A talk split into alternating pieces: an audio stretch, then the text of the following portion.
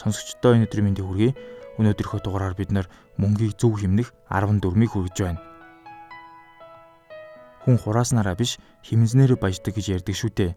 Өндөр цалин авдаг мөртлөө цалингаас цалин хүртэл мөнгө зээлж явдаг хүмүүс олон байдаг. Гэтэл түнд хамаагүй бага орлоготой боловч юугаач тутахгүй дөнгөөд байдаг хүмүүс бас байдаг. Яагаад ингэдэг вэ? Яг нь нэг нь химж чаддаггүй, нөгөө нь химж чаддагт л хамаг учир нь байгаа юм. Ингээд мөнгийг зөв хэмнэх 10 энгийн дүрмийг санал болгоё. Мэдээж энэ дүрмүүдийг заавал дагаж мөрдөх албагүй. Ядаж санаа аваад өөртөө тааруулан өөрчлөх зэргээр ашиглах боломжтой юм. Нэгдүгээр гинтийн худалдан авалтаас татгалз. Урьдчилан төлөвлөсөн зүйлээ л худалдан авч бай.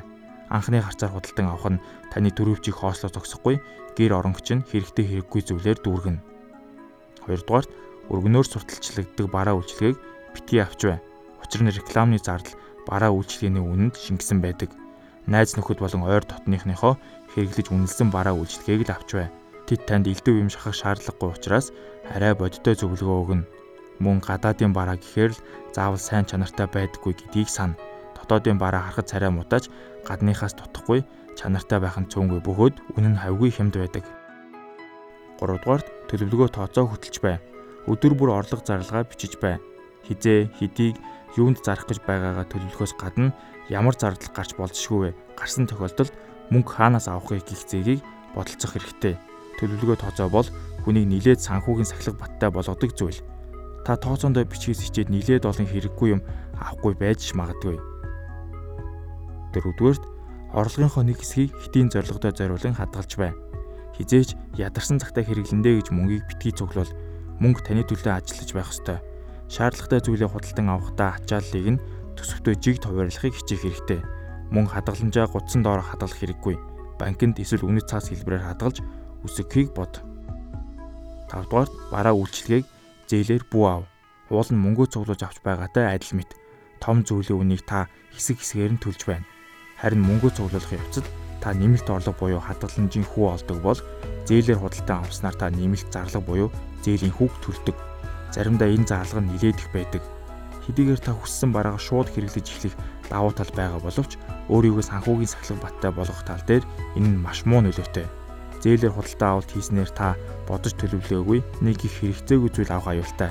Харин мөнгө хоримтлуулах явцад та авахыг хүсэж байсан бүтээгдэхүүнээ сайн судалж зөв сонголт хийх боломжтой. Хэрв техник технологийн зүйл авах гэж байгаа бол таны мөнгө цугларч байх хугацаанд сонгосон зүйлийн чинь үн ихээхэн хямдрах, мөн шинээр сайжруулсан хувилбар нь гараад ирэх болно. Үн нь таны анхны бодож байсан үн дотор багтаж магад. Орлого олох зориулалтаар л барааг зээлээр ав. Ингэхдээ олох орлого чинь зээлийн хүүгээс дээш байх хэсгээ сайтар тооцоо мартав. 6 дугаарт цалингаа авсан өдрөө томоохон зарлаг гаргахгүй байх. Цалин буусан өдөр биднийг их мөнгөтэй болчихсон юм шиг санагдаж баруун солгоогүй цацаж харсан болгоно авах гэдэг. Энэ бол цэвэр сэтгэл зүйн асуудал. Тиймээс цалин буусан өдөр юу ч худалдан авахгүй байх хоргийг өөртөө тавь. Инхүү та бодлогогүй худалдан авалт хийхээс өөрийгөө хамгаалж мөнгөө хадгалан үлдэнэ. 7 дугаарт тодорхой хэмжээний бэлэн мөнгөтэй яв бэлэн бус мөнгө илүү хурдан дуустдаг. Гарт баригдаж нүдэнд харагдахгүй болохоор хайран биш байдаг нь цэвэр сэтгэл зүйтэй холбоотой. Тийм болохоор өөрийнхөө банкны ATM-ээс картныхаа мөнгийг бэлнээр авсан дээр бас гинт бэлэн мөнгө хэрэг болоход өөрийн чинь банкны ATM ойр байхгүй бол айлын ATM-с мөнгө авахд нэмэлт шимтгэл төлнө шүү дээ. 8 дугаарт төлбөрийн тарифуудаа шинчилж бай. Та интернет, гар утас бусад үйлчилгээний төлбөр хийдэг тарифуудаа шинчилдэг үү? компаниуд шинэ үйлчлүүлэгч татахын тулд янз бүрийн шинэ ашигтай тарифуудыг бий болгодог. Харин хуучин хэрэглэгчдтэй энэ тухай мэдээлэх гэж нэг их яардаггүй. Тийм болохоор энэ тал руу анхаарлаа хандуулж ашигтай хямд багц үйлчлэгээний тариф гарсан эсхийг сонирхож байх хэрэгтэй. 9-дүгээрт хүнсний захад очихдоо тооны машин пүштэй жин зэргийг авч явж бай. Хэрвээ та хүнсээ супермаркетаас биш захаас авдаг бол таны зөв. Дэлгүүрийн үн хавгүй илүү байдгаас гадна тэнд таныг бодлогогүй худалдан авалт хийлгэх бүх төрлийн урих тавиастай байдаг. Гэвч хүнсний захад жингээр идэх, барааны үнийг буруу бодох зэргээр маллах гээд байдаг. Тиймээс худалдагч нарт идүүлэхгүй тулд авсан зүйлээ хяналтын жин дээр тавих, өөрийнхөө жингээр шалгах, тооны машинаараа шалгах зэргээс ичих огт хэрэггүй.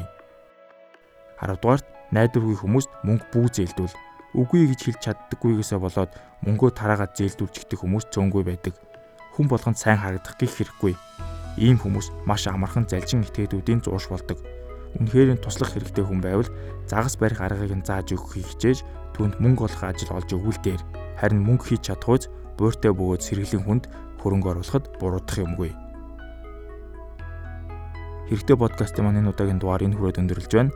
Та бүхэнд хэрэгтэй зүйлийг хүргэсэн бахаа гэж найдаж байна. Дараагийн дугаар хүртэл түр баяртай.